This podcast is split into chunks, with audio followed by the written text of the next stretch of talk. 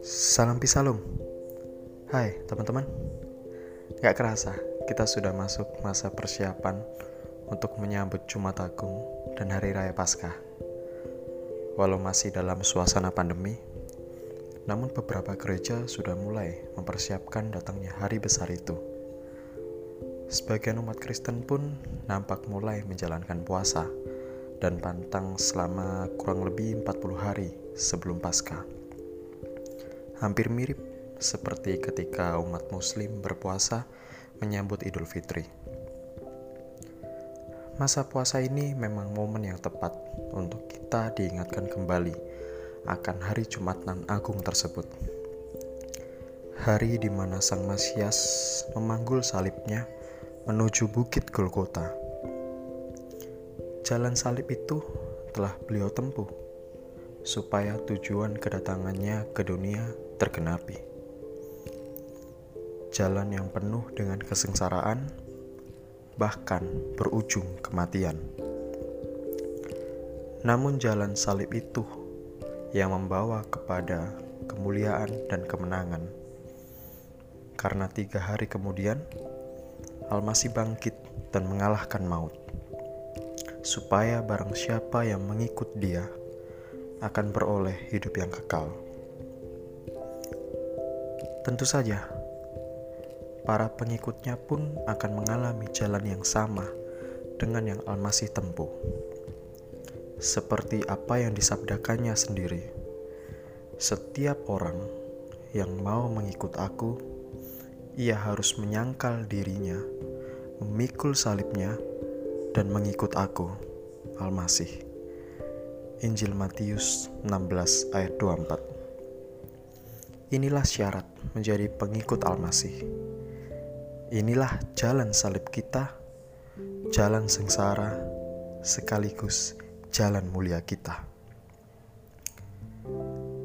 Kita telah mendengar kisah bagaimana pengikut Al-Masih mula-mula menempuh jalan salibnya karena mengalami penganiayaan dari kekaisaran Romawi darah para syuhada atau martir telah banyak tercurah demi mempertahankan imannya kepada Al-Masih.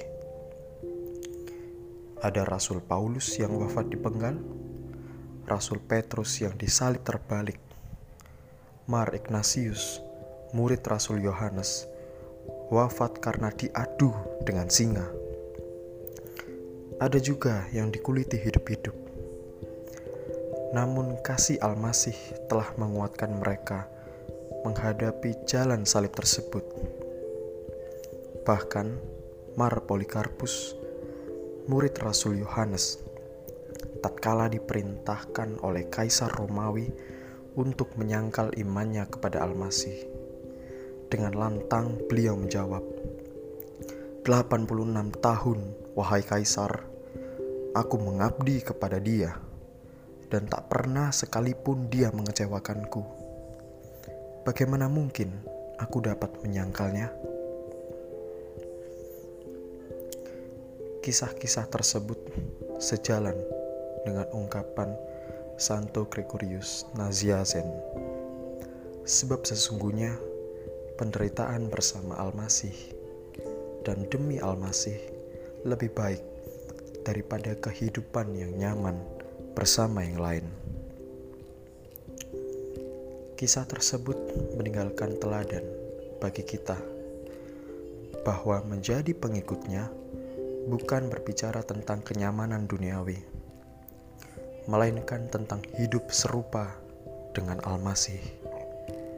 Sehingga benarlah yang dikatakan kitab suci, sebab untuk itulah kamu dipanggil karena Kristus pun telah menderita untuk kamu dan telah meninggalkan teladan bagimu, supaya kamu mengikuti jejaknya.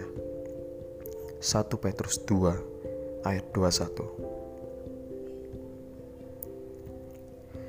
Penderitaan yang dimaksud tidak hanya penderitaan secara fisik, namun juga penderitaan batin kita. Seperti yang Al-Masih katakan, bahwa menjadi pengikutnya harus bisa menyangkal diri dan memikul salibnya. Bagaimana kita mematikan seluruh kedagingan kita dan berserah penuh hanya kepadanya. Bagaimana kita terus menjaga rahmat yang telah kita terima melalui kurban agung Al-Masih. Bagaimana kita terus-menerus memurnikan batin kita hingga kedatangannya kelak. Menyangkal diri berarti mematikan keakuan dan melepaskan ego kita. Sakit? Tentu. Menyangkal diri juga berarti melawan hawa nafsu kita.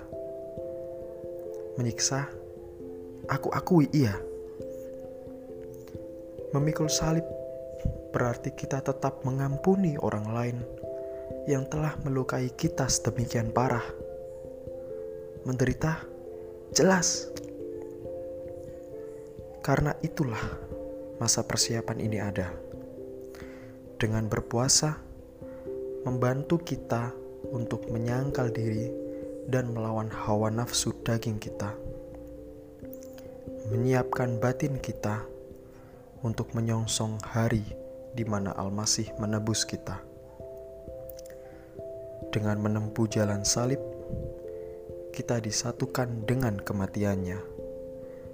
Dan kelak, ketika dia datang kembali ke dunia, kita akan dibangkitkan dan disatukan kembali dengan kemuliaannya.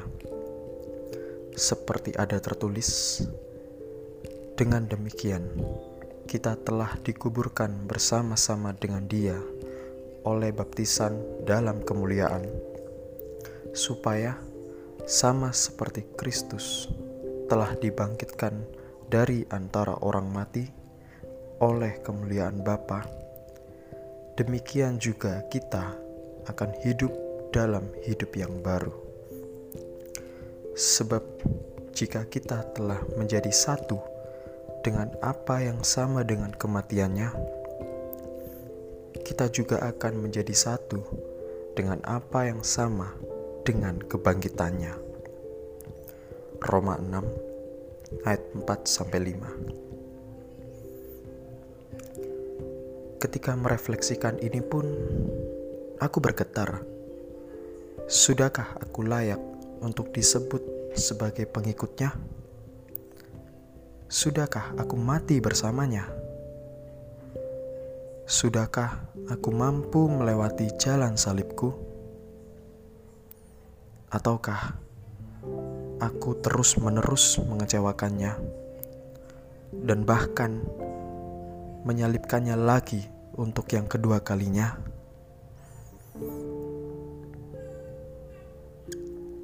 Karenanya, teman-teman, di masa persiapan Paskah ini menjadi momen yang tepat untuk masuk ke kamar yang gelap dan dalam, bersujud, dan menaikkan doa di hadapannya. Ya Almasih, ya Mukholisna, ya penembus kami, kasihanilah kami orang yang berdosa ini. Ya Rob irhamna, ya Rob irhamna, ya Rob irhamna. Tuhan kasihanilah, Tuhan kasihanilah, Tuhan kasihanilah.